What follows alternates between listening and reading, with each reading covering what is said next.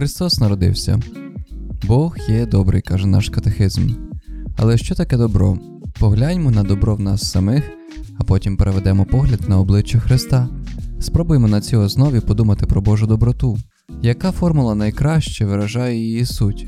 Перш за все, він був добрим, коли його розбудила буря, коли його знайшли голодні натовпи. Він був добрим після ночі в саду, добрим на шляху до Христа, добрий на Христі. Хіба це не дивує нас? Нас, чия доброта була витрачена до першої кращої втоми. Ця доброта не знає навіть розсіяності, Господня доброта не знає неуважності, непевності, вона знає, що треба віддати. Хіба це нас не дивує? Нас, чия доброта так часто дає не те і не тому, чия доброта так часто буває просто засліплена самою добротою, що ще більше дивує, ця доброта Господня не знає страху самого себе. Скільки разів треба прощати? Не сім, а сімдесят сім. Що ти повинен робити, якщо тебе вдарили по правій щоці? Не бійся підставити ліву щоку. Ти нічого не втратиш. У діях Христа є глибока логіка, все починається з чуда перетворення води на вино, а далі діла зростають, стають зціленнями, воскресіннями мертвих, прощеннями провин, хресною жертвою за світ. На початку бідна сім'я рятується від сорому, в кінці ціле людство врятоване від знищення. В усьому цьому не було ані сліду страху.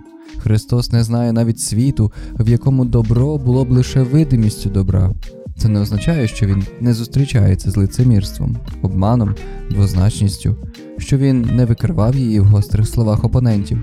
Але сенс викриття був особливий показати не те, що зло перемагає все, а те, що добро не може через засміченість пробитись назовні, але воно є, добро існує. Люди вбивають, бо не відають, що творять, але кожен з них є дитиною Божою. І це велика таємниця, існує невичерпна доброта. Це мудро і логічно. Чим більше ця доброта дає, тим більше може віддати.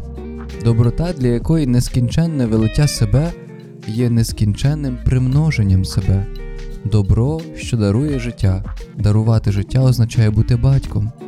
Отже, ця доброта Отця, батька всього живого, це сама повнота життя, без тіні страху, лагідна. Вона не зламає надломленої очеретини, знаючи, що дати і коли мудра.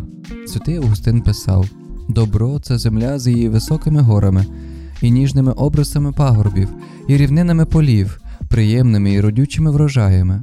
Добро це будинок гармонійних пропорцій, охайний і світлий. Добро це серце друга, добро це справедлива людина. Добром є те і інше, однак відкинь те або інше і побач, якщо зможеш, саме добро. Тоді ти побачиш Бога, який є добротою всякого добра.